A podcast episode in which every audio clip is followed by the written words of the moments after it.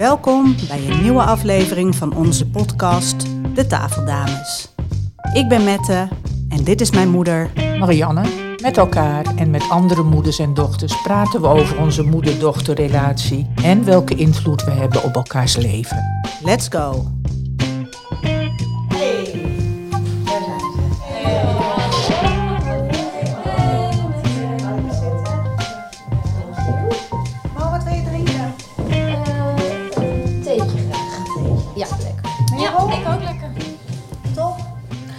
Welkom bij de Tafeldames. Dankjewel. Zangeres Monique Kleeman en haar dochter Merel. Welkom. Hey, dankjewel. Leuk dat jullie er zijn. Ja, leuk jullie te hebben en om nou, met z'n vieren te kijken van hoe zit dat nu bij moeders en dochters? Wat leren ze van elkaar? Wat hadden ze niet, liever niet geleerd van elkaar? Kan ook nog. dus daar gaan we met elkaar naar kijken. En dan wil ik beginnen bij jou. Mo van, eh, wie is je moeder? Wie is jouw moeder? Wie is mijn moeder? Ja. Mijn moeder is Hedwig. En Hedwig is 86. Geboren in eh, Surabaya. Met half Nederlandse, half Indonesische ouders. En dat eh, heet dus Indisch. En Hedwig is op de dertiende naar Nederland gekomen met zo'n mooie grote boot. En, ehm, Welk jaar was dat? Eh, 48. 46? 48, later. Dus na de oorlog eh, is ze hier ja, de. Bersiap, hè, de, de, die Mm. afschuwelijke oorlog in Indonesië. Breek me de bek niet open, want daar is nog... eh, tegenwoordig hoor je er steeds meer van. Eigenlijk is, zijn er veel kinderen van de derde generatie, zeg maar de, onze kinderen... Dus bijvoorbeeld de kinderen van Merels leeftijd, die zijn er heel erg mee bezig. Ja. Dat is echt eh, een soort nieuw fenomeen. Maar daar gaan we het nu niet over hebben. Nee, maar maar het is wel geval, grappig dat je dat zegt. We merken Het ook aan zien dat ze over de Tweede Wereldoorlog heel erg geïnteresseerd is. Dus Ja, ja, ja. zien dus ja, dochter maar ook vanwege ja. het feit dat, dat hun oma daar natuurlijk vandaan komt, hun grootouders daar vandaan komen, dat ze denken van wat is dat voor bloed wat ik heb? En wat is er destijds gebeurd? En waarom is er zo weinig van bekend? En nu komt er steeds meer naar boven. En er worden steeds meer verhalen en steeds meer onderzoek gedaan. En daaruit blijkt dat er toch ontzettende grote fouten zijn gemaakt. Maar nogmaals, laten we het daar nou niet over hebben. Op een dertiende kwam ze naar Nederland. Op de dertiende. En toen moest ze eigenlijk, omdat er geen plaats was voor haar, moest zij naar kostschool in Rotterdam. En toen, eh, nou, maar dat was helemaal niet vervelend voor haar. Eigenlijk, want daar heeft ze een hele goede tijd gehad. Mijn moeder heeft ook, eh, die kan zich heel makkelijk aanpassen. Het is een hele open en makkelijke vrouw. Dus ze heeft daar haar voordeel mee gedaan en heeft zich gewoon ja, aangepast. En een prima opleiding gedaan, de kweekschool later. En eh, is zelfs ook nog eh, directeur geworden op basisscholen. Dus heeft een hele mooie carrière gemaakt. Ook gezien waar zij vandaan kwam en de oorlog. En dat was allemaal niet zo vanzelfsprekend. En ze heeft dat toch dus gedaan, waardoor ik enorm tegen haar opkijk. Ze is zo'n sterke vrouw. Dat ze dat allemaal, dat haar dat allemaal gelukt is.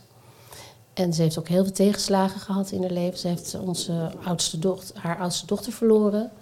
Dat is ook nog eens een keer gebeurd. En eh, los van alle perikelen in Indonesië. Op jonge leeftijd, toen ze 50 was, verloor ze haar oudste kind. Zo. Dus dat was ook niet makkelijk. Dat waren hoe groot was jullie gezin? met drie meiden waren we. Ja. En eh, drie maanden later stond ze weer voor de klas. Zo. Zoiets, voor ik ga niet thuis zitten. Ik Wat- ga niet thuis zitten.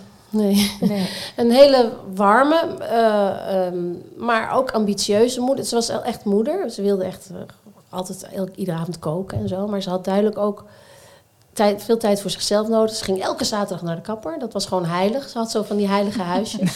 van nee. En ook de keukendeur ging altijd dicht. Dus dan ging de radio aan en dan ging zij koken. En dan wilde ze niet dat er mensen in de keuken kwamen. Weet je wel, dat soort dingen. Op die manier hield zij haar eh, kalmte. Hield ze zich...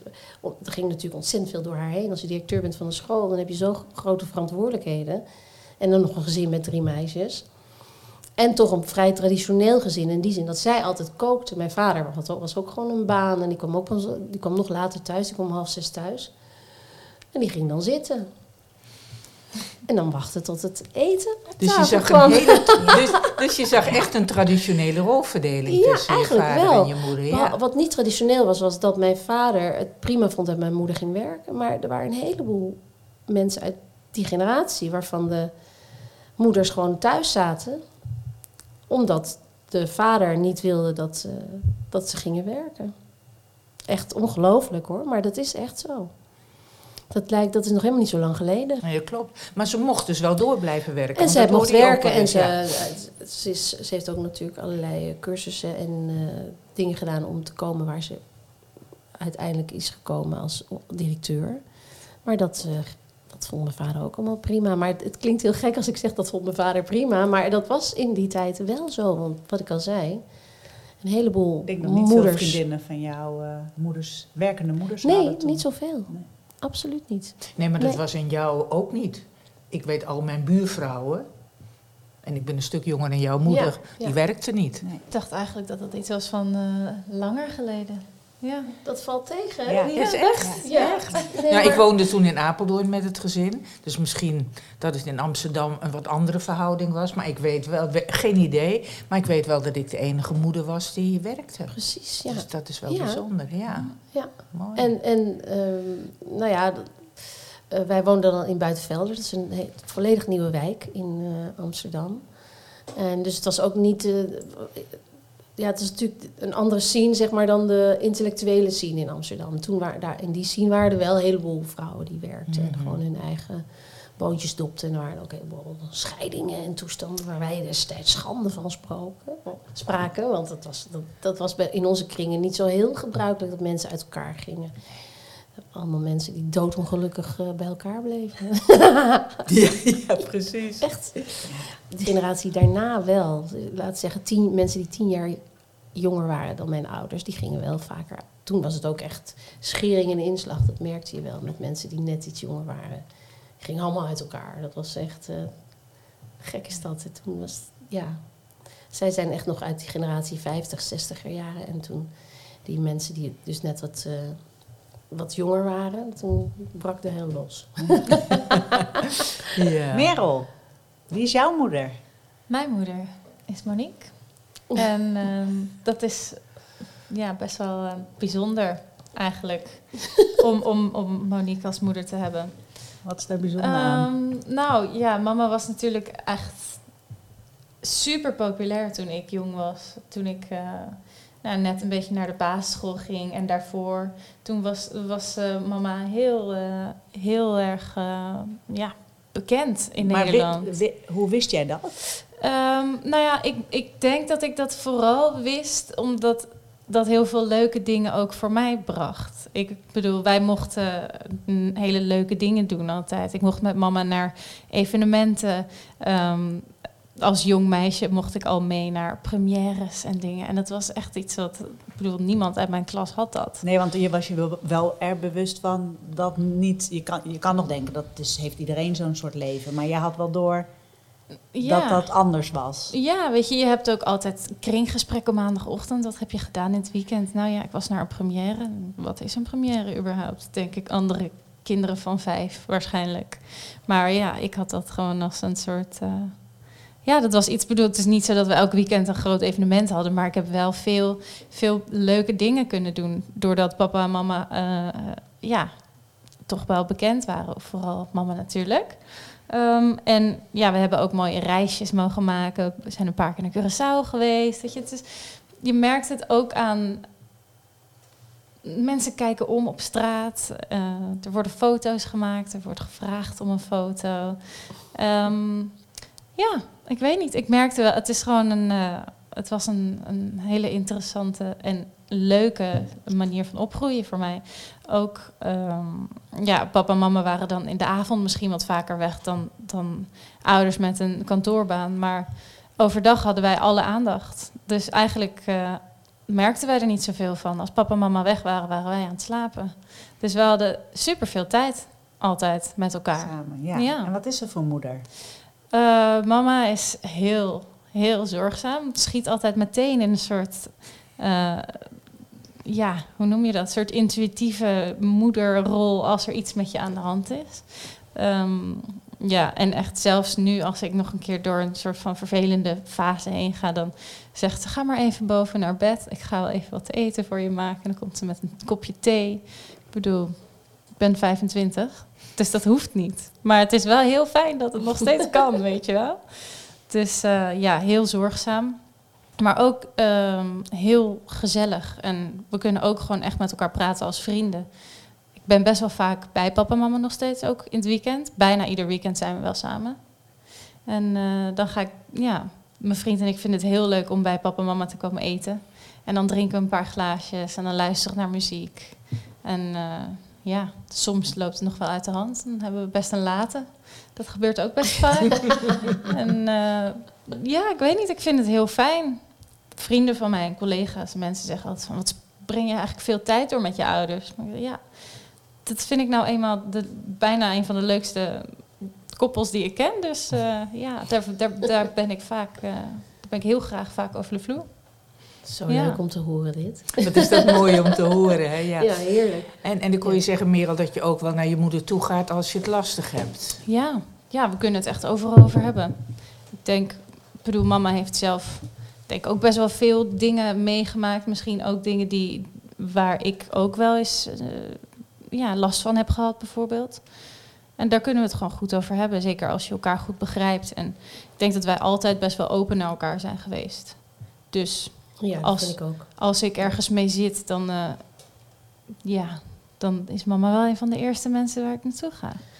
Ja, je ziet het aan elkaar, je voelt het. Ja. Soms hoef je niet eens uh, bij elkaar in de buurt te zijn. Het kan zijn dat zij thuis zit. Het lijkt ook wel een soort onzichtbaar. Uh, je, hebt echt, je bent echt verbonden in, in, in ziel. Ik wil, ik, ik wil niet spiritueel daarover doen, maar mm -hmm. Soms dan hoor ik net iets te lang niks van haar en dan is het even, eh, gaat het allemaal goed? Het is zo handig met dat wat te hebben natuurlijk. En dan, ideaal. Ja, ideaal. Ja. En, dan, en dan, ja, nou, nou, dan krijg je het natuurlijk. Maar of soms ook helemaal niet zo, nee mam, sorry, ik heb het gewoon heel druk. Dat kan ook net zo goed, maar het is inderdaad, uh, je bent op een bepaalde manier echt met elkaar verbonden. Ja echt uh, heel bijzonder is dat. Nou, wij vroegen Ja. ons net af, want nee, we herkennen dat. We herkennen Ja. dat, we hebben het uitgebreid over gehad. En wat een rijkdom dat ook is. Ja? Dat je dus met elkaar zo'n Ja, ja, naadloze verbinding hebt. En we hebben echt ons zitten afvragen, wat maakt dat mogelijk dat je zo'n band hebt? Hebben- Hebben jullie enig idee waardoor dat kan? Wat, wat, ja, wat is dat? nou kijk, ik, ik, toen jullie ons uitnodigden voor dit gesprek, dacht ik, ja, ze gaan me natuurlijk vragen, wat, wat heb je geleerd of wat voel je bij je dochter? En dan denk ik van, vanaf de dag dat zij geboren werd, heeft ze mij van alles geleerd. Ik denk dat je elkaar heel veel geeft en leert en dat dat een ontzettend, ja, het is zoiets moois wat je hebt samen. Het is, eh, ik, ik zou niet weten precies wat ik op jouw vraag moet antwoorden, Hmm. maar eh, dit is wat mijn gevoel zegt heel duidelijk. En het is, misschien kun je, is het niet te definiëren, maar eh, en ik denk ook dat heel veel mensen ervaren het weer heel anders. Ik bedoel, wij zijn toevallig moeders en dochters die heel goed met elkaar kunnen opschieten. Maar je hoort het heel vaak dat het Ja, precies. precies. niet zo is. Ja. Dus het is niet zo vanzelfsprekend. Nee, nee. Absoluut niet. Heb jij er een antwoord op, eh, Merel, wat de elementen zijn daarvoor? Waardoor je je altijd welkom voelt en... Ik denk, ehm, ik denk dat het heel erg te maken heeft met de manier van opvoeden en, en opgroeien. Want wij hebben gewoon altijd veel tijd met elkaar doorgebracht. Ja. Ik denk dat als, als een moeder en een dochter misschien wat minder bij elkaar zijn, ofwel door misschien een, een scheiding of door een hele drukke baan Precies. die overdag veel is, dat je dan veel minder tijd met elkaar kan doorbrengen en elkaar op een andere manier. Tuurlijk blijf je altijd moeder en dochter, maar het kan wel zijn dat je dan eerder naar iemand anders toe gaat met je problemen. En dat wij hebben gewoon altijd veel tijd met elkaar doorgebracht en er is altijd ruimte geweest en ik heb nooit het gevoel gehad dat sommige dingen onbespreekbaar waren. Dus ik denk dat dat de reden is dat ik als Behalve eerste naar mama fles ga. tequila toen je 13 was natuurlijk. Nou ja, daar, In je kamer. nou, daar heb je me ook meteen mee geconfronteerd. precies. Ja, nou ja, dat dus. Ja, ja precies. precies ja, gewoon. eh, Want, hebben jullie, want is het altijd zo... ga hier niet op in. zo eh daar praat ik gewoon even over. Ja, Is het, is het eh, de band die jullie hebben van, vanaf dag één eh, is in een soort vloeiende, logische, stromende lijn gegaan? Of zijn er ook momenten geweest dat er of dat er waren er ook periodes dat jullie elkaar lastiger konden bereiken of begrijpen? Nou, de, de, of- de gebruikelijke eh, puberteit is natuurlijk een periode waarin... En, en Merel heeft meerdere puberteiten gehad. Oh ja? Ter- Ja? Terrible 2, Vertel. Oh ja, Terrible de twee. 4 Elk en, Terrible, eh, nou wat was het, 13, 14. Ja. Maar op, op een manier die voor, die voor ons ook heel schattig was. Weet je, zo van, oh kijk nou, kijk er nou liggen. Kijk er nou. Toen ze twee was en mee naar de, naar de supermarkt, toen ging ze gewoon op de grond. En dat, eh, omdat ze dan niet ter zin kreeg of zo. Maar dan lieten we er ook gewoon liggen en liepen we gewoon door. Mhm. En eh, toen ze vier was, toen was ze al heel erg bij de hand. Dus toen vond ze ook dat ze recht had op bepaalde dingen. Of het nou snoep was of, eh, of langer wakker blijven. Gewoon van die standaard kinderdingen. Maar het is een ontzettend sterke wil. En ook... eh, dat, ja, en als je zo jong bent, dan, kan je, dan weet je die, dat onmachtige wat je voelt, dat maakt je natuurlijk heel agressief. Ja, absoluut. Ja, zo, absoluut. Ja, dus, eh, en toen ze 13, 14 was, was het natuurlijk iets heel anders. Dat is natuurlijk de overgang naar, naar het vrouw Vrouw, worden. ja. En dat zijn meer de hormonale schommelingen die je toen, al- als Merel 's ochtends wakker werd, dan donderde het hele huis. Oh ja? Herinner jij dat? Wat gebeurde er dan? Ik kan me wel Ja? herinneren hoor. Ja? Bloedchagrijnig werd ze wakker. Dat heeft een paar jaar geduurd. Dat is echt zo. Met deuren gooiend en eh, ik, eh, dat. En dan naar beneden de trap afdenderen. Weet je wel. Ja. Oh, wij allemaal zo. Daar is ze. Merel. Ja. Gaat het lekker, schat? Ja, ben je weer lekker en lekker bij? Goed zo. Hoe laat moet je? Wat heb je? Nou, maar, dat, maar daar konden we natuurlijk eigenlijk heel erg om lachen. We waren nooit... Ja, af en toe werd je natuurlijk ook wel pissig. Zo van, ja, nou, nou doe nou eens even normaal. Maar dan was het... eh, sla, sloeg ze de deur achter zich dicht en huppakee op de fiets. En dan smiddags kwam ze weer, hi mam, en weer thuis. En dan was er niks aan de hand. Ik bedoel, Het was niet dat die hele fase van de puberteit dat jullie slechter contact hadden of elkaar niet konden bereiken. Nee, Het ging wel gewoon wat meer op en neer. Precies. Het was gewoon eh, ook wel heel grappig om mee te maken en om te zien hoe dat werkt met hormonen bij vrouwen. Zo. Het is heel, ja, ik vond het wel juist heel interessant. Herkende je dat van jezelf? Ja, ik had het ook heel erg. Ik was ook een chagrijn. Een chagrijnige En hoe puber. reageerde jouw moeder erop? Oh, die had er helemaal geen tijd voor. Die, eh, waarschijnlijk ook een beetje zoals ik hoor, dat ze daarop reageerde. En ook af en toe best wel van. eh, ja, vroeger was ze natuurlijk een, een- een- wa- waren ouders autoritairder naar hun kinderen toe. Dus ik denk dat ik ook wel wat niet zo uitgesproken chagrijnig kon zijn als Merel. Ik denk dat ik mij meer... Je kreeg niet echt de ruimte. Die ruimte kreeg ik niet. Precies, dank je. Nee, die ruimte kreeg ik minder dan Merel. dat je dat weet. Ja. ja, nee, ik Wij moesten alleen maar heel erg lachen. En mijn, mijn ouders serieus. Je raakte er ook niet Ja. van in de, in de war of zo. Nee, Je ging nee, niet aan nee, jezelf nee. twijfelen aan Nee, je... nee, nee, nee.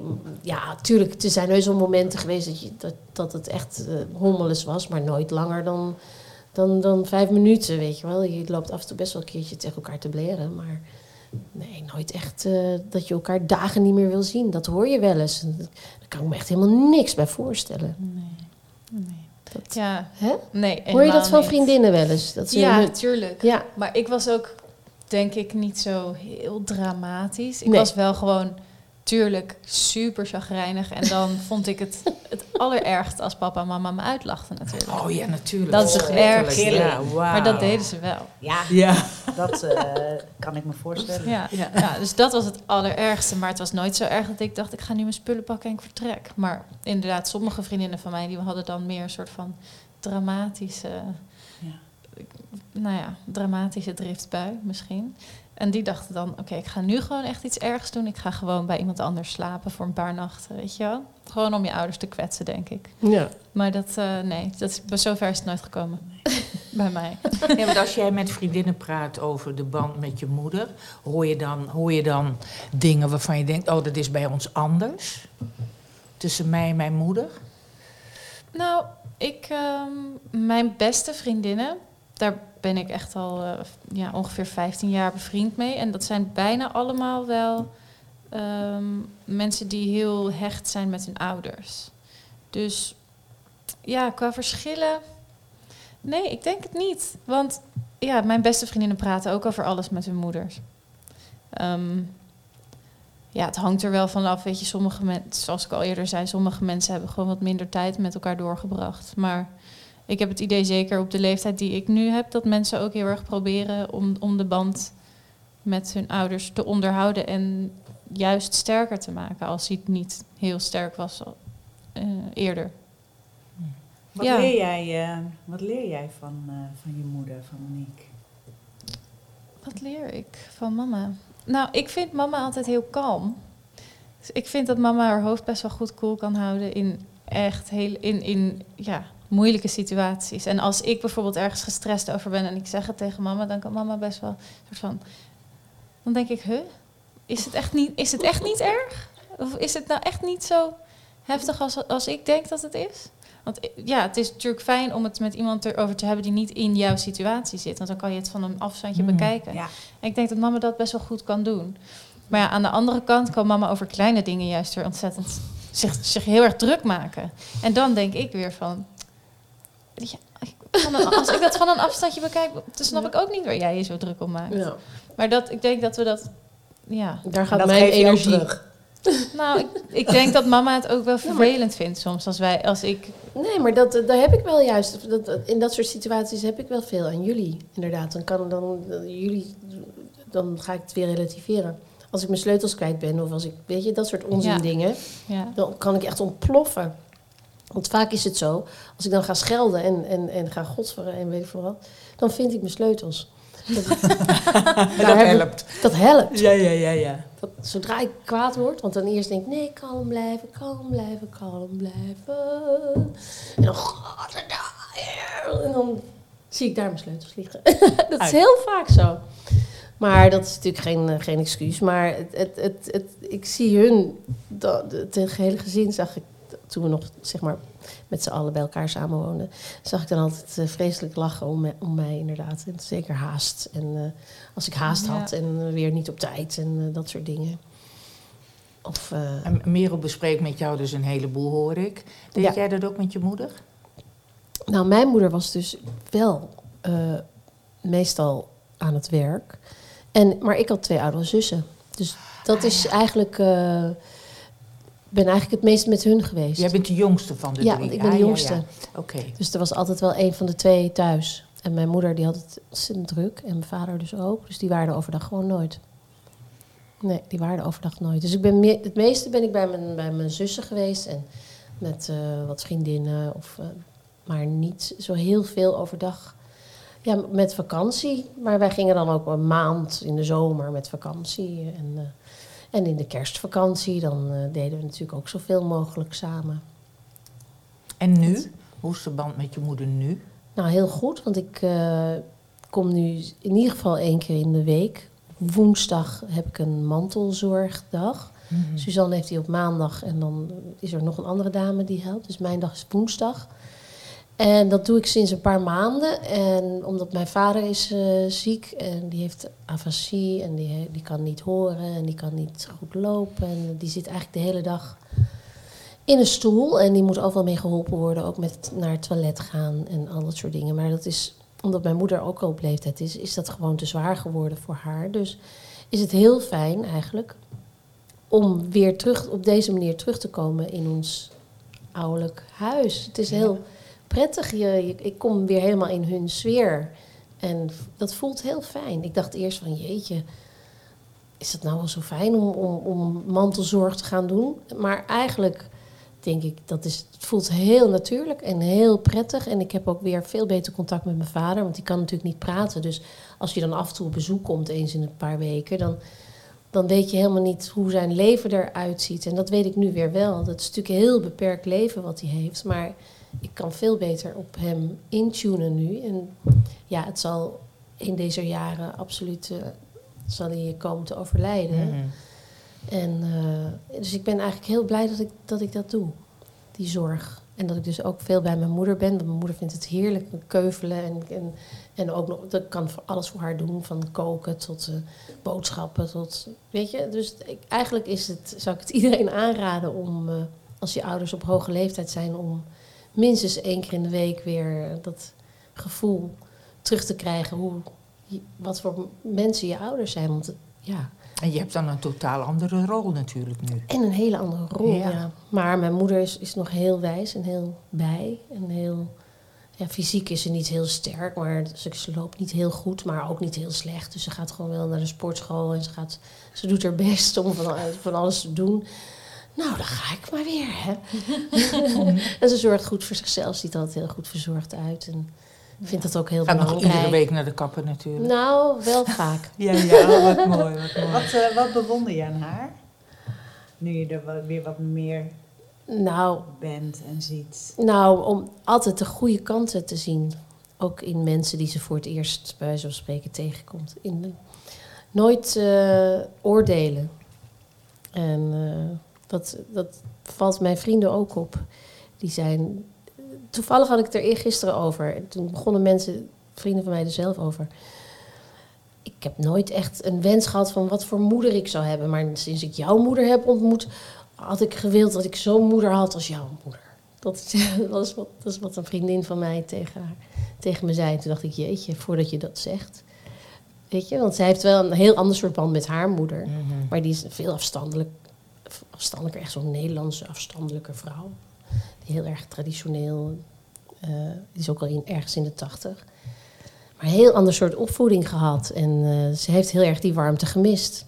En ze is zelf ook een beetje zo geworden zoals haar moeder. En dat vindt ze eigenlijk heel erg. Je weet hoe dat gaat als mensen dan een slok op hebben of een borrel. Ja, eigenlijk ben ik veel, ben ook veel te afstandelijk. Snap je? Dan gaan mensen echt gaan dan kletsen. En toen zei ze dus ook van, oh, ik wou dat ik zo'n warme moeder had gehad als jij. Dus dat vind ik sowieso bewonderenswaardig, los van alles wat ze bereikt heeft. En, eh, en hoe ze met mijn vader omgaat en hoe ze met haar kleinkinderen omgaat en hoe onvoorwaardelijk haar liefde is. Dat is echt enorm. Ja, dat, dat, weet, dat voel jij ook.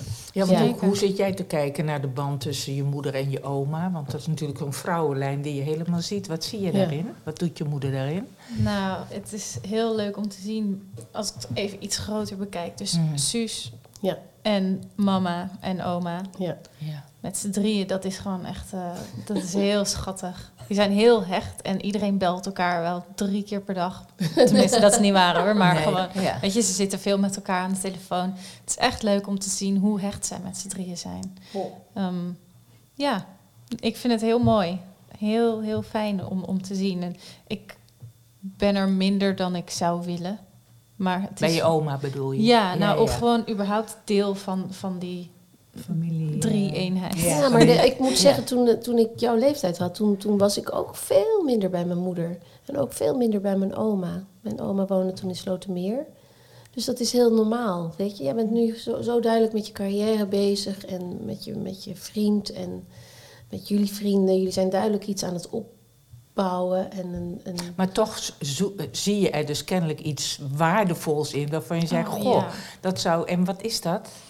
Ja, ik denk dat warmte een hele goede is. Ja. Het is. Je voelt en het straalt het heel erg uit als ze met elkaar zijn. Ik bedoel, ook al zijn ze niet allemaal lieve woordjes tegen elkaar aan het zeggen, is het gewoon een hele warme band. En je ziet dat een soort van, het stralen ze uit. En er is een soort hele, ehm, ja, hoe zeg je dat? Een soort alge, algehele rust. Ook al is er iets naars aan de hand, zijn jullie wel gewoon rustig met elkaar en heel erg op, op je gemak. En ja, het, het, het is heel hecht. Heel hecht. Ja.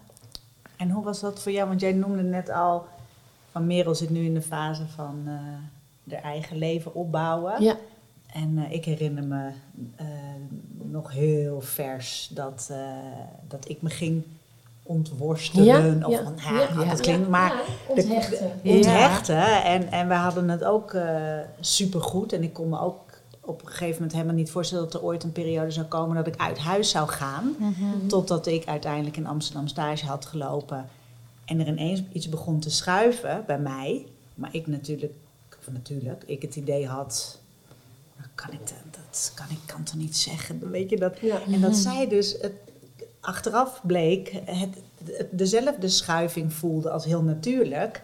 En op een gegeven moment was het dan klaar. En dan komt het moment dat je eh, uit, meer uit elkaar gaat. Ja. Maar dat was bijna een magisch moment, vind ik. Ja. Een van de magische momenten in ons leven. Dat ik ons nog zie zitten voor het huis op een bankje. En zij kwam eraan, ze kwam naast me zitten. En ik zei tegen haar, ik geloof dat het tijd is, hè? Oh, Terwijl we het er niet over gehad Nee. hadden. Ik geloof dat het... En we wisten allebei, nou, dat, daar kan ik nog kippenvel van Ja. krijgen. En dat was niet van, het is klaar tussen ons, maar we gaan een volgende gaan- fase ja, in. we voelden allebei dat het tijd was om, eh, om, om, een, an, ja, om Ja. het ander. ik- Hoe, kun jij je iets herinneren hoe dat ging in jouw leven? Of daar een moment specifiek was? Ik denk dat het eerste moment was dat ik voor het eerst op reis ging. Ja, naar Hoe Mexico. Hoe Ja, oud was je 18. Je Ja. was klaar met school. Klaar met school. Ja. En toen, ehm, ja, in oktober had ik mijn diploma gehaald. Eh, sorry, in mei had ik mijn diploma gehaald. En in oktober ging ik weg. Voor drie maanden. Voor het eerst. Ja, met twee Echt vriendinnen. reizen met twee vriendinnen? Ja, ja, Ja. naar Mexico.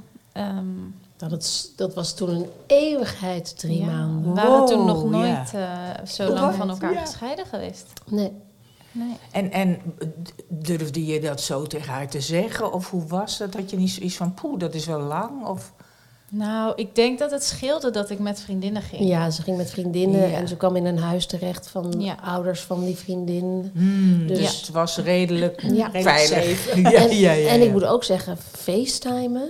Klinkt Ja. heel stom, maar dat helpt enorm. Oh, dat, ja. Ja. dat, Dat kan helpt natuurlijk ook. Ja, dat scheelt een stuk, zeg. Dan zie ja. je dus ja. gewoon Ja. bij wijze van spreken waar je kind woont. En Hmm.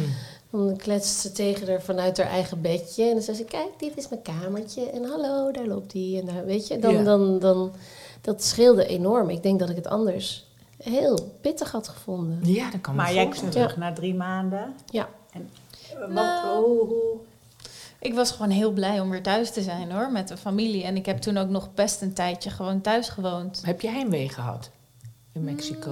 Mm, Nou, ik denk alleen met kerst. Echt. Weet je, rond de feestdagen voel je het wel. Want toen was ik, ja, was ik er niet. nee. Dat Ja, is oh ja. Want dat had ik ook nog nooit eerder gehad.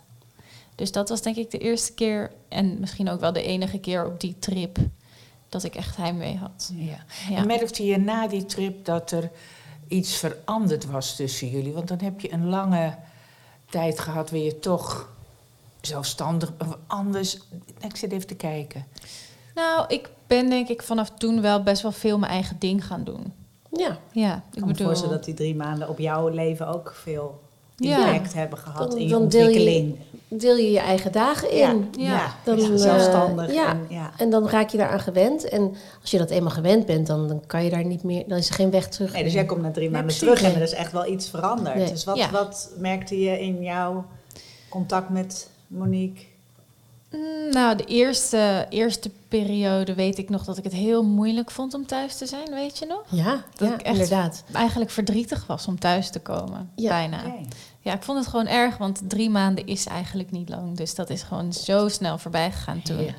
Ehm, en ik kwam terug in januari, wat natuurlijk ook niet echt fijn is. Vanuit Mexico. Eind januari, Nee, dat nee. is een lastige Periode fase, in- lastige periode in Nederland. Ja. Ehm, dus ik kan me nog goed herinneren. Maar wel heel blij natuurlijk om weer terug te zijn bij eh, mijn gezin. Maar ik kan me nog goed herinneren dat wij aan de keukentafel zaten en dat ik aan het huilen was, omdat het buiten aan het regenen was of zo. Iets, Ja. echt iets heel sufs. Ja. Maar ja, dat ik gewoon merkte van, oh ja, dit is wel echt, Dit wil ik niet. dit wil ik niet. Nee. En ik denk dat ik er toen ook achter ben gekomen dat ik wel heel erg van dat reizen hou. Ik heb dat ook vaker gedaan nog. Ik ben nog wel een paar keer voor Ja. een tijd weg geweest. Ja. Maar En was dit ook een- de fase toen je weer terugkwam dat je uit huis ging vanuit daar? Of je bent weer ingeblend in de setting? Wij hebben een zolder, als ik, eh, ik, ik, ik zal even antwoord geven, want Ja. wij hebben een zolder en, en wel met een eigen opgang. Dus, eh, en, en dat is een prima ruimte van, van 25 vierkante meter met keuken en badkamer, waar Merel natuurlijk ging wonen. Want Ja. vanaf je 18e heb je daar, ging Ik je daar denk wonen? 19. 19. ja, Ja. dus je was al een tijdje terug en toen Ja. heb je uiteindelijk Ja, en dat de was stap naar boven Ja, gemaakt. de stap. de stap naar De boven. stap naar zolder. En Ja. we hebben haar daar eigenlijk... eh, het is niet zo dat we daar de deur plat liepen. We hebben haar echt haar eigen leven... We hoorden dan wel als ze de trap opkwam. maar eh, Midden in de nacht. midden in de nacht. Straalde Heel veel meer stappen. Ja, heel, alle vrienden. Allemaal. Oh, ja, ja, ja, precies. Niet Oh, ja. eentje. Nee, maar dat was een, dat is een hele... eh Marius, onze zoon, eh, die zit daar nu. Dat is een heel veilig gevoel. Dat je kind zeg maar eerst nog een soort van zelfstandigheid... Een ja, soort tussen... Tussenfase. tussen- Een soft uit huis De gaan. aanluidende Soft woning uit huis. Nou ja, ik merkte ook wel verschil als ik kijk naar Mette. Die, die, die vertrouwde ik zo volledig dat ik ook niet belangrijk vond hoe, hoe laat ze thuis komen of weet ik veel wat allemaal. Het was gewoon allemaal prima. Ik dacht van, nou, ik hoor nu ook wel dingen van. Ik dacht, oh, dat wist ik niet. Nee. Maar dat was prima. Dat, Ja. dat is ook oké. En bij de jongens was het toch anders. Hoe, Ja. hoe, hoe, hoe- heb jij dat bij Marius ook? Ja, zeker. Maar de jongens hebben het gewoon moeilijker. Zeker. Die zijn eh, die jongens van die leeftijd die, eh, ja, die, die, die, ze kunnen nergens naar binnen, want ze zijn te jong. Meisjes van die leeftijd mogen overal naar binnen, Uitgaan. want die zijn eh, overal welkom. Mooie meisjes, Oh, kom maar zo? binnen. En jongens die moeten buiten blijven van die leeftijd, 16, 17. En die, Die gaan zijn lekker, klein. lekker, die zijn klein en die, die gaan zitten blowen en een beetje, een beetje rottigheid uithalen Ja. op pleintjes en in parkjes. Ja. Die hebben echt een andere Ander- puberteit. ander- heb ander ik leven. echt meegemaakt met Ja. die jongens. Ja. Dat ik nu pas achteraf denk, potverdorie, die hebben het veel Ja. moeilijker gehad. Echt. Zeker. De hormonen gieren door hun lijf. Ja. En wij hebben het over dat ze hun best moeten doen op school. Ja, precies. Weet je, dus dat is Ja, zo... oh, waar ze- die ja. jongens zeggen nu ook van ja, ik was met hele andere dingen bezig. En, en ja, moest maar, en daar hebben we het eh, niet over. En gareel, ik moet maar in het gareel en leren en weet En ik veel wat. onzekerheid Maar jij zit ook te knikken. Ja, onze- Herken je dat ja. ook? Ja, heel erg. Ja. Toen ik 14, 15 was, ging ik uit met mijn vriendinnen naar clubs, gewoon in Amsterdam. Dan hadden we of een gastenlijst ergens weten te ritselen, weet je wel. Eh, maar jongens van onze leeftijd, die waren gewoon, nou, 15 centimeter korter. En Ja, die en zagen er gewoon ook, hè? uit als Ja. kinderen nog. Dus die precies. konden ook niet met ons mee naar binnen. Kijk, wij Nee. konden nog wel zeggen... Ja, ik ehm, ben 19 en ik ben net eh, in mijn eerste jaar van de universiteit. Ja, nou, dat. Gratis drankje krijgen van iemand. Ja, maar je hebt ook, denk Ja. ik, als, als, als ik op de middelbare scholen keek, als meisjes, een, die hielden een presentatie en die stonden er. En jongens zijn nog echt puppies. Dus dat is natuurlijk een, een wereld van verschil. Ik weet Ja. nog dat ik tegen Jochem zei op een gegeven moment, dat is mijn oudste zoon, van joh, dit meisje vind je hartstikke leuk. En hij zei, mam, ik zou niet weten wat ik ermee aan moest, weet je Oh, wel ja, zo. dat soort- ja. Dat soort Te dingen. veel En vrouw, dat is je, die- te veel die- vrouw, te veel. Die vrouw- ja, die Dus meiden er is zo'n eh, eh, seksuoloog, ehm Rosie, eh, Rosa Kroonstam heet ze, geloof ik. Oh, Rita Koonstam. Rita Kroonstam. Ja, Die zei ook van, het is eigenlijk heel zielig voor de Ja. jongens. ja. Het is eigenlijk heel zielig, want ze, ze, ze kunnen zich niet concentreren met al die vrouwen in de klas. Nee. Nee. Het is eigenlijk Hormonen heel onhandig. Hormonen rammelen aan alle Ja. kanten. En, Zouden en, eigenlijk en de meisjes interesseert het helemaal niet. Die zijn Nee. helemaal Nee, die niet zijn niet geïnteresseerd in die jongens. Nee, Zielig. Ja, dat is Dat is echt heel zielig. Ja. Ja, absoluut. Ze zouden eigenlijk een soort, wat dat betreft waren, was er in de tijd van jongenscholen, waren er wat dat betreft minder problemen. Dan eh, konden ze met Ja, z'n allen lekker... gewoon, eh, eh, Ja, rausen. Maar ja, goed, ik heb op een meisjesschool nog gezeten. oh ja? Ja, meisjesschool naast een jongensschool.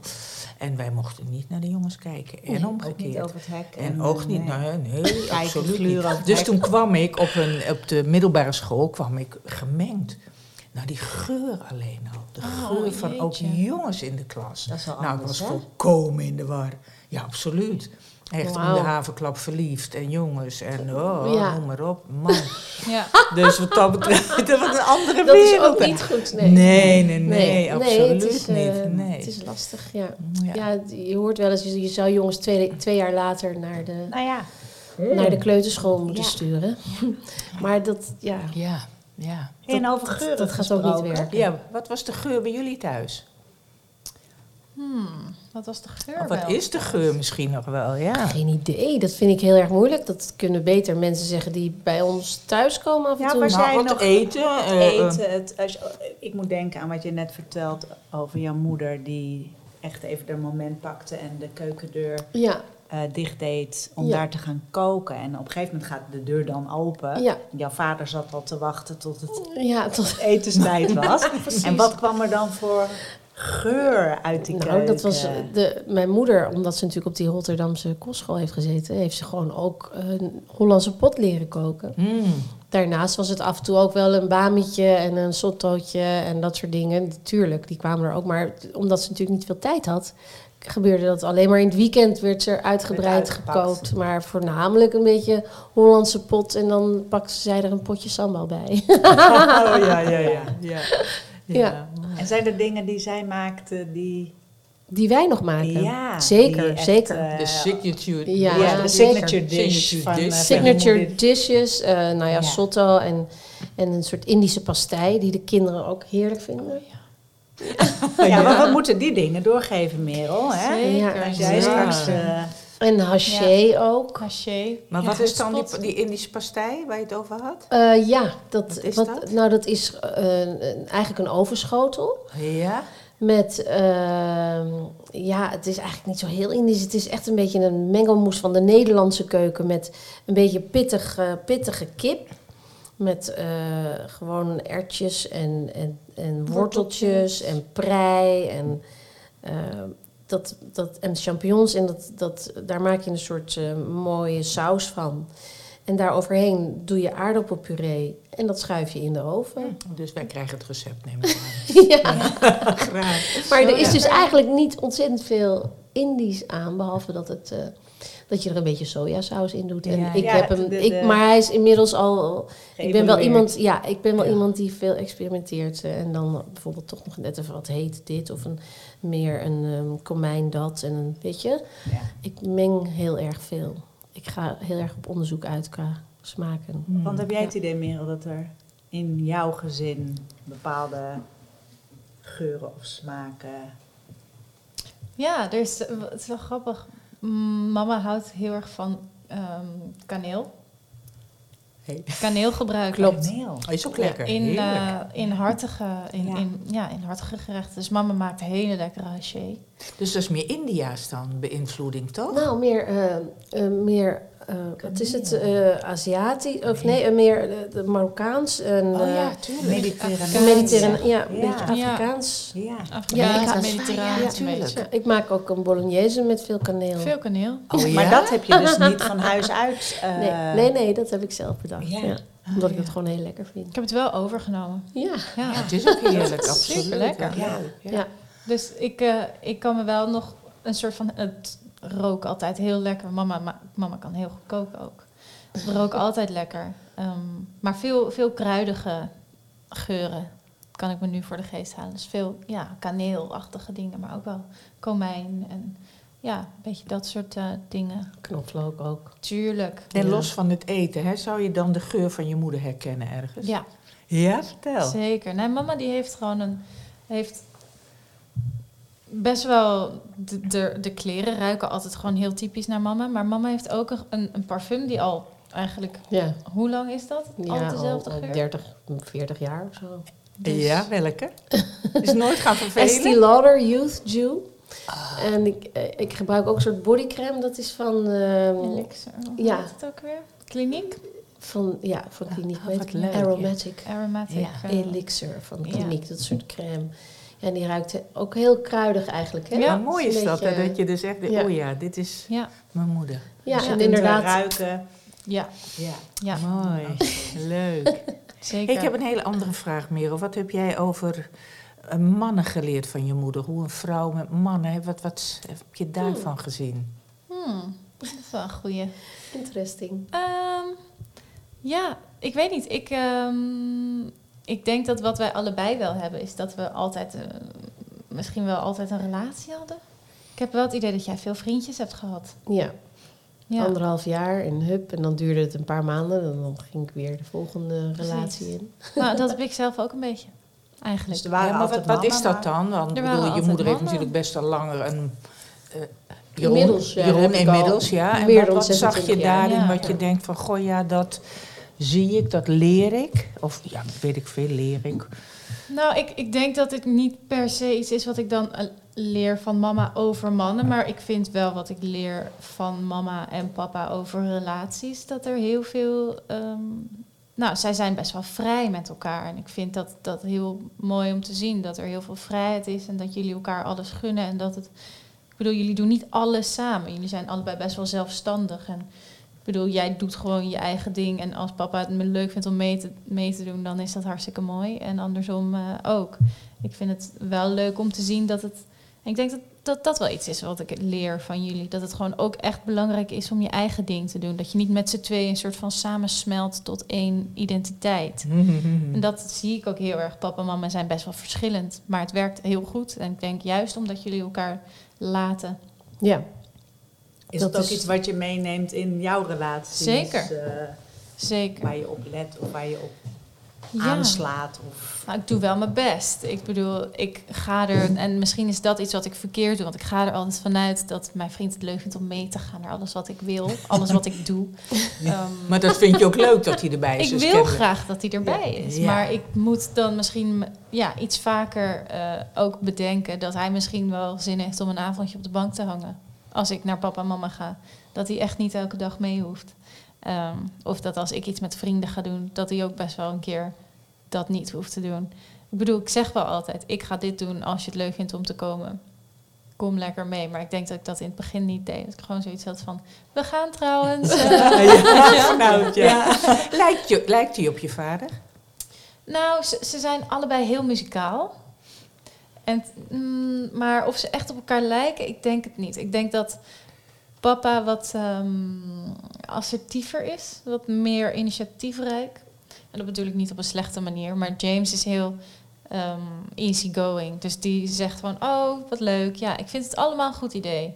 Uit deze drie leuke ideeën mag jij kiezen. Weet je wel? En dat is, dat is net anders. Maar ehm, ja, zijn wel allebei heel lief en grappig. En dus heel muzikaal.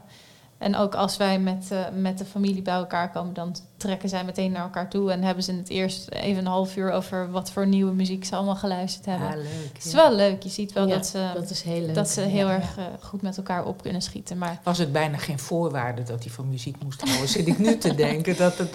Nee, nou ja, voorwaarde niet zo van een eis, maar dat dat... Mm, nee, maar het is wel misschien. een hele erge plus. Ja, Ja. precies. het is een ja, erg dat, leuke Ja. bijkomstigheid. Ja. Ja. Want ook ehm, in de eerste lockdown van corona, dus wat was het, maart 2021? Was De dat eerste, de allereerste 20. bedoel je? Dat was 20, 20. 20, joh, ja. Ja, dat is 20. Dat is 20. bijna twee jaar geleden. Het is bijna twee jaar in Oh, maart. Nee, maart 2020. Ja, Ja, dat ja. was het. Toen was ik net terug uit Mexico en toen was het dus lockdown 1. En toen eh, zaten we eigenlijk met z'n allen met elkaar een beetje opgescheept. Want ik zat toen nog boven Mm. eh, bij papa en mama. En ehm, toen kwamen we eigenlijk elke dag samen en maakten we elke dag muziek. En eh, dat Oh, was ja. zo leuk. Ja, het was heel leuk, maar het was Oh, ook een heel wauw. mooi voorjaar. Ja, ja. Afgelopen man, voorjaar was niet het- zo goed. Nee, het voorjaar was En, niet zo mooi. En, toen en toen duurde het allemaal langer dan iedereen. Dus het was een beetje een deprimerend jaar Ja. afgelopen jaar, vond ik. Ja. Terwijl iedereen er denk ik toch heel veel van verwachtte. Na dat rotjaar Na dat 2020. rotjaar 2020 Ja, nee, gaan we dat bloemetjes maar ja, Ja, 2020 ja, was en toen ook toch maar niet. verschrikkelijk. Ja. En zijn er dingen, Merel, waarvan je nu...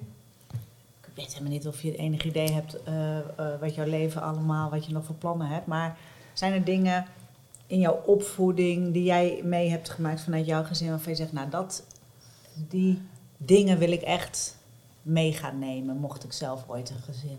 eh. Ik dacht dat je wilde gaan zeggen, die, die- dat wil ik echt vermijden. Nou ja, dat is, dat is de volgende vraag. Nee, dat is de volgende vraag. Ja. Nee.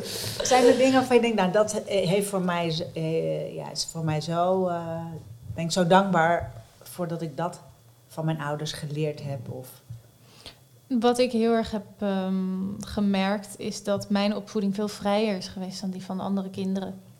Dus ik denk dat dat iets is wat ik zeker mee wil nemen. Ik denk ook dat dat de reden is dat wij, met, dat wij alles met elkaar kunnen bespreken altijd. En dat er niks is wat niet kan. Bijvoorbeeld, het is misschien niet ja, het beste voorbeeld, maar weet je, experimenteren met verschillende middelen en dingen.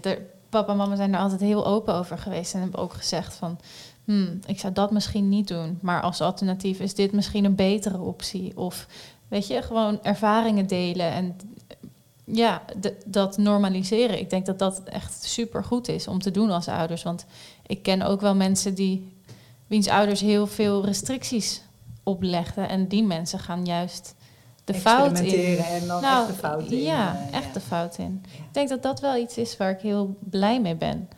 En niet alleen op het gebied van natuurlijk drank en drugs en gekte, maar ook gewoon, ja, ga, ga lekker op reis. Onderzoek. Doe dit. Ja, Je moet de wereld zien. Je moet beleven. dingen leren en misschien ook wel een keer kaart op je bek gaan. maar dat heb je nodig. In plaats van heel erg beschermd. Ik denk dat jullie Ja. wel op een juiste manier beschermend zijn geweest, maar ons ook echt genoeg vrij hebben gelaten om Ja. alles een beetje zelf te ontdekken. Ja, ik zie het als een soort vangnet, weet je. Jullie mogen allemaal op dat, op dat, dat koorddansen doen en wij zijn het, en wij zijn het vangnetje. Ja. Maar je moet vooral ook absoluut koorddansen. Ja, Dat is heel belangrijk, want dat is de snelste manier om dingen te leren. Ja. Dat is nou eenmaal zo. Als je, als je angstig in het leven staat, dan heb je moeite met relaties, dan heb je moeite met, met werk. En dat, weet je, die angst, dat, vind, dat vonden wij heel belangrijk. Dat we onze kinderen opvoeden zonder angst om te falen. Dat is natuurlijk heel moeilijk. Hey, ontstond dat gewoon in jullie relatie, Mo? Eh, met, Ja. of, of was dat waarvan jullie allebei wisten, ja, natuurlijk? Ja, dat, is, dat, dat- als, dat zie ik zeg maar, zo kijk ik een, een beetje beschouwend op onze relatie. Dat ik Ja. denk, ja, dat hebben we allebei heel erg. Dat, we, Er hoeft dat, er niet de eens manier over gesproken nee, te nee, worden. Nee, nee, precies, ja. Nee, daar staan we heel erg op één lijn. Maar misschien, misschien heeft het ook wat te maken met het vak waar jullie in zitten. Ja. Ja, en voor mij ook met het verlies van mijn zus. Ja? Daar hoeven we niet Ja. eh, heel uitgebreid over Nee. te zijn. Maar eh, eh, ja, het, het kan van de een, je kan alles proberen om, om, om dingen te vermijden, te zorgen dat Te er niks te en te- controleren. maar ja. dat, dat, dat, geen... dat werkt niet. Want hoe oud was jij? Ik was 20, zij was 25. Ja, wauw. Dus dat is heel jong. Maar ja, natuurlijk ben ik getraumatiseerd daardoor. En, en als me, toen ze gingen fietsen eh, naar, naar school en zo, dat vond ik natuurlijk Ja, merkte je dat? dat eh, verschrikkelijk. ja, ja, ja. ik zag Oh, ja. natuurlijk die grote bus en ik zag natuurlijk die auto's. en de Ik zag, en ik zag natuurlijk Ah, al die drama's voor me. Dus daar heb ik mezelf heel erg in getraind. Want, Hoe ging je daarmee om? Nou, gewoon eh, ja, heel stoïcijns daarin zijn. Ik bedoel, dat was ik natuurlijk niet. Maar Hmm. wel proberen dat niet op mijn kinderen te projecteren. En af en toe deed ik dat wel. En dan legde ik het ook uit van sorry als ik te- een beetje te overdreven bezorgd ben. Ik denk dat Merel dat nog wel weet. Ja, weet je dat nog, eh? Wat dat ik dat wel gezegd heb af en toe. Nou, wel inderdaad dat je dat af en toe gezegd hebt. Dat je je misschien wat meer zorgen maakte Ja. dan nodig is. Ja. Vooral omdat jullie je dus normaal gesproken ons alles lieten doen. Ja, precies. maar En als je dan een keer... een, eh, ja. Ja. ja. Ja. Maar echt een concreet voorbeeld daarvan heb ik niet, denk ik. Maar je merkte wel van, god, daar zitten verschillen in. We worden normaal zo vrijgelaten en hier Ja. is Ja. het Spannend. Ja. ja. Nou, Ja. ik, ik vind sowieso eh, fietsen in Amsterdam. Ik vind Nou, zeg Sowieso even, een uitdaging. serieus. het is echt serieus. Ja, nee, echt. Als je buitenlanders, eh, Nee. buitenlandse vrienden hoort over Nee, hoe, hoe wij met fietsen en onze kinderen omgaan. En die op die kleine fietsen, huppakee. eh. Ja, maar ik dacht ook wel eens van, goh, ben ik nou een ou- oude tutholen aan het worden? Ik vind het echt spannend. nee, is Dat vind ik helemaal niet leuk, maar ik vind het echt spannend. Ja, Ja, is het ook. Maar goed. ja precies. Heb je het met je moeder nog wel eens over je zus? Is dat een... Tuurlijk, ja. Ja. Ja, maar dat is ook eh, dat is niet alleen maar eh, verdrietig hoor. Nee, nee, nee, nee. Daarin, dat, dat stoïcijnse, zeg maar, dat heb ik ook heel erg van haar. Dat, eh, dat, zo is zij ook. En Suzanne iets minder, die is wat eh, emotioneler, zeg maar. Wat meer aan de oppervlakte. Emotioneel, dus mijn moeder en, en ik zijn meer behoudend een beetje. Het is niet zozeer dat we, dat we onze emotie niet kunnen tonen, maar we houden het meer bij onszelf, zeg maar. Ik kan me ook nog wel herinneren dat chef met jullie natuurlijk veel op pad ging. Ja, En dat jouw moeder op een gegeven moment, misschien wel een beetje aan het begin, dat chef bij Lois Lane in de picture kwam Ja. en met jullie het hele land doorging. Dat jouw moeder dus ook een keer tegen hem heeft gezegd in relatie tot het verlies van je zus. oh ja. Van pas goed op ze, hè? Ja, dat zegt ze altijd wel, Ja. ja. Ja, pas goed op ze.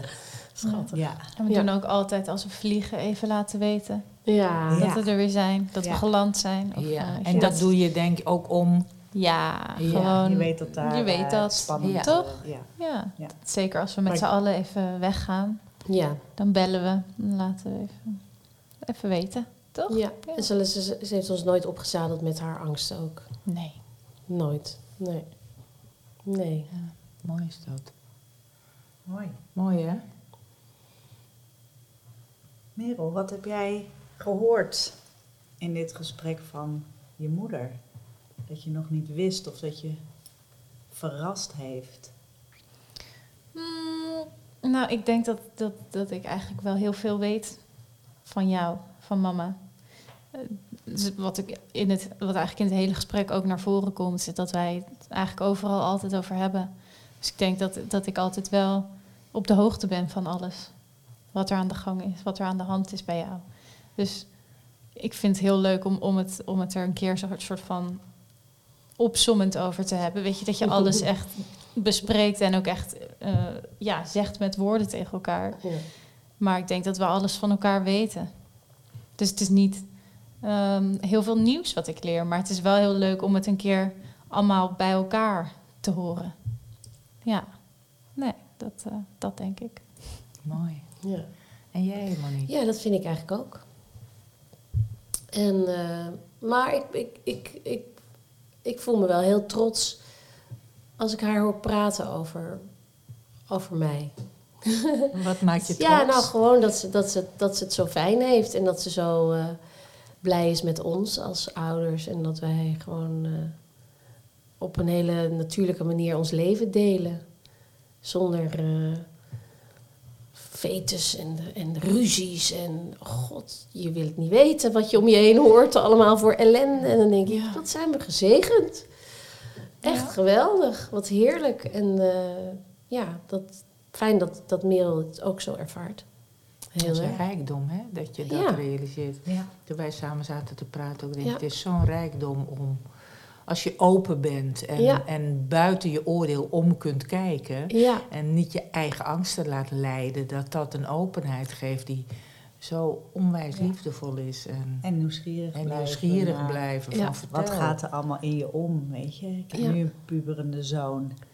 En daar kan ik van alles van vinden. Ja. Maar het is ook leuk om nieuwsgierig te zijn. ja, precies. En dan Tuurlijk. opent er van alles en kan je... En je, maar je moet je nieuwsgierigheid ook een beetje onderdrukken, want het is Ja. natuurlijk Ja, helemaal niet dat cool. klopt Je, ook. wil je, Nee. niet, je moet niet alles vragen. Nee, nee. Nee, nee, nee, Nee. Nou, maar ik denk ook dat dat dan bij een jongen nog anders is dan bij een meisje, als ik heel eerlijk ben. Ik heb bij haar nooit zoveel schroom gehad om te vragen, Mm. maar ik merkte dat het bij mijn jongens anders was. En ik zit daar, we zaten net ook over jonge mannen en vaders te denken. Ik denk, daar kan nog wel een een en ander Ah. anders misschien, Ja, dat, nou, zodat die... bij, bij, bij Marius is dat eigenlijk niet zo, hè? Bij Marius is het eigenlijk wel een beetje same level geweest. Ja, nou, ik, dat, Eigenlijk. dat weet ik dus niet zo heel goed. Ja. Ik denk dat ik toen iets meer met mezelf bezig was Ja, misschien. de tijd, Ja. die fase was jij Ja, al een beetje de deur vier uit. Ja, we jaar. schelen vier Mm. jaar. Ja, ja, ik had Ja. hetzelfde met mijn broertjes. Ik was al een beetje Ja, Ja, ik, ja. ja, op ik, mezelf toen zij aan het puberen Ja. waren. Ik heb het niet zo. ik weet ook Ja, niet dus heel erg. Ja, maar ik heb het idee dat je bij een meisje makkelijker binnenkomt om erover te praten dan bij een jongen, Ja, denk ik. ja, maar Marius is ook wel heel erg een moederskind. Mhm. Kind. Ja? Ja. Dat zie jij Ja, ook. maar het is Merel? lief Dus, hoor. dan, Ja, nee, dus ja. wij zijn ook heel fysiek en knuffelig. En daarmee vertelt hij natuurlijk ook een heleboel. Ja. Ja, precies. Maar hij zijn is, manier. eh, hij is ook wel echt een open boek. Als je, je ziet het Ja. meteen als er iets eh, is Ja. met hem. Mm. Ja, Aan zijn gezicht. En, En aan jullie hebben ook een open band met elkaar. Heel erg. Oh, Ja. wat mooi. Ja, heel Ja. erg. We spreken elkaar veel. We je zien elkaar nu wat minder vaak. Het komt omdat we gewoon allebei het best wel druk hebben. Met werken en vrienden en relatie en Ja. alles, Ja, weet je wel. Maar eh, nee, Amsterdam. altijd, eh, altijd als we elkaar zien of als we elkaar spreken is het fijn.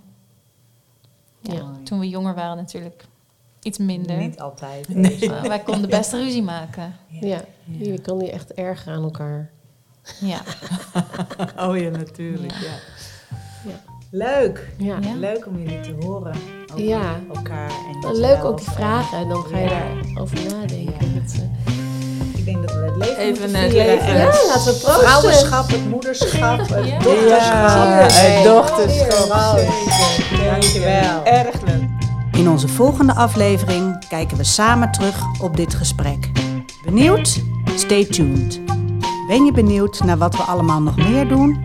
Volg ons op Instagram, het Moeder en Dochter Samen. Of check onze website www.moederendochter.com.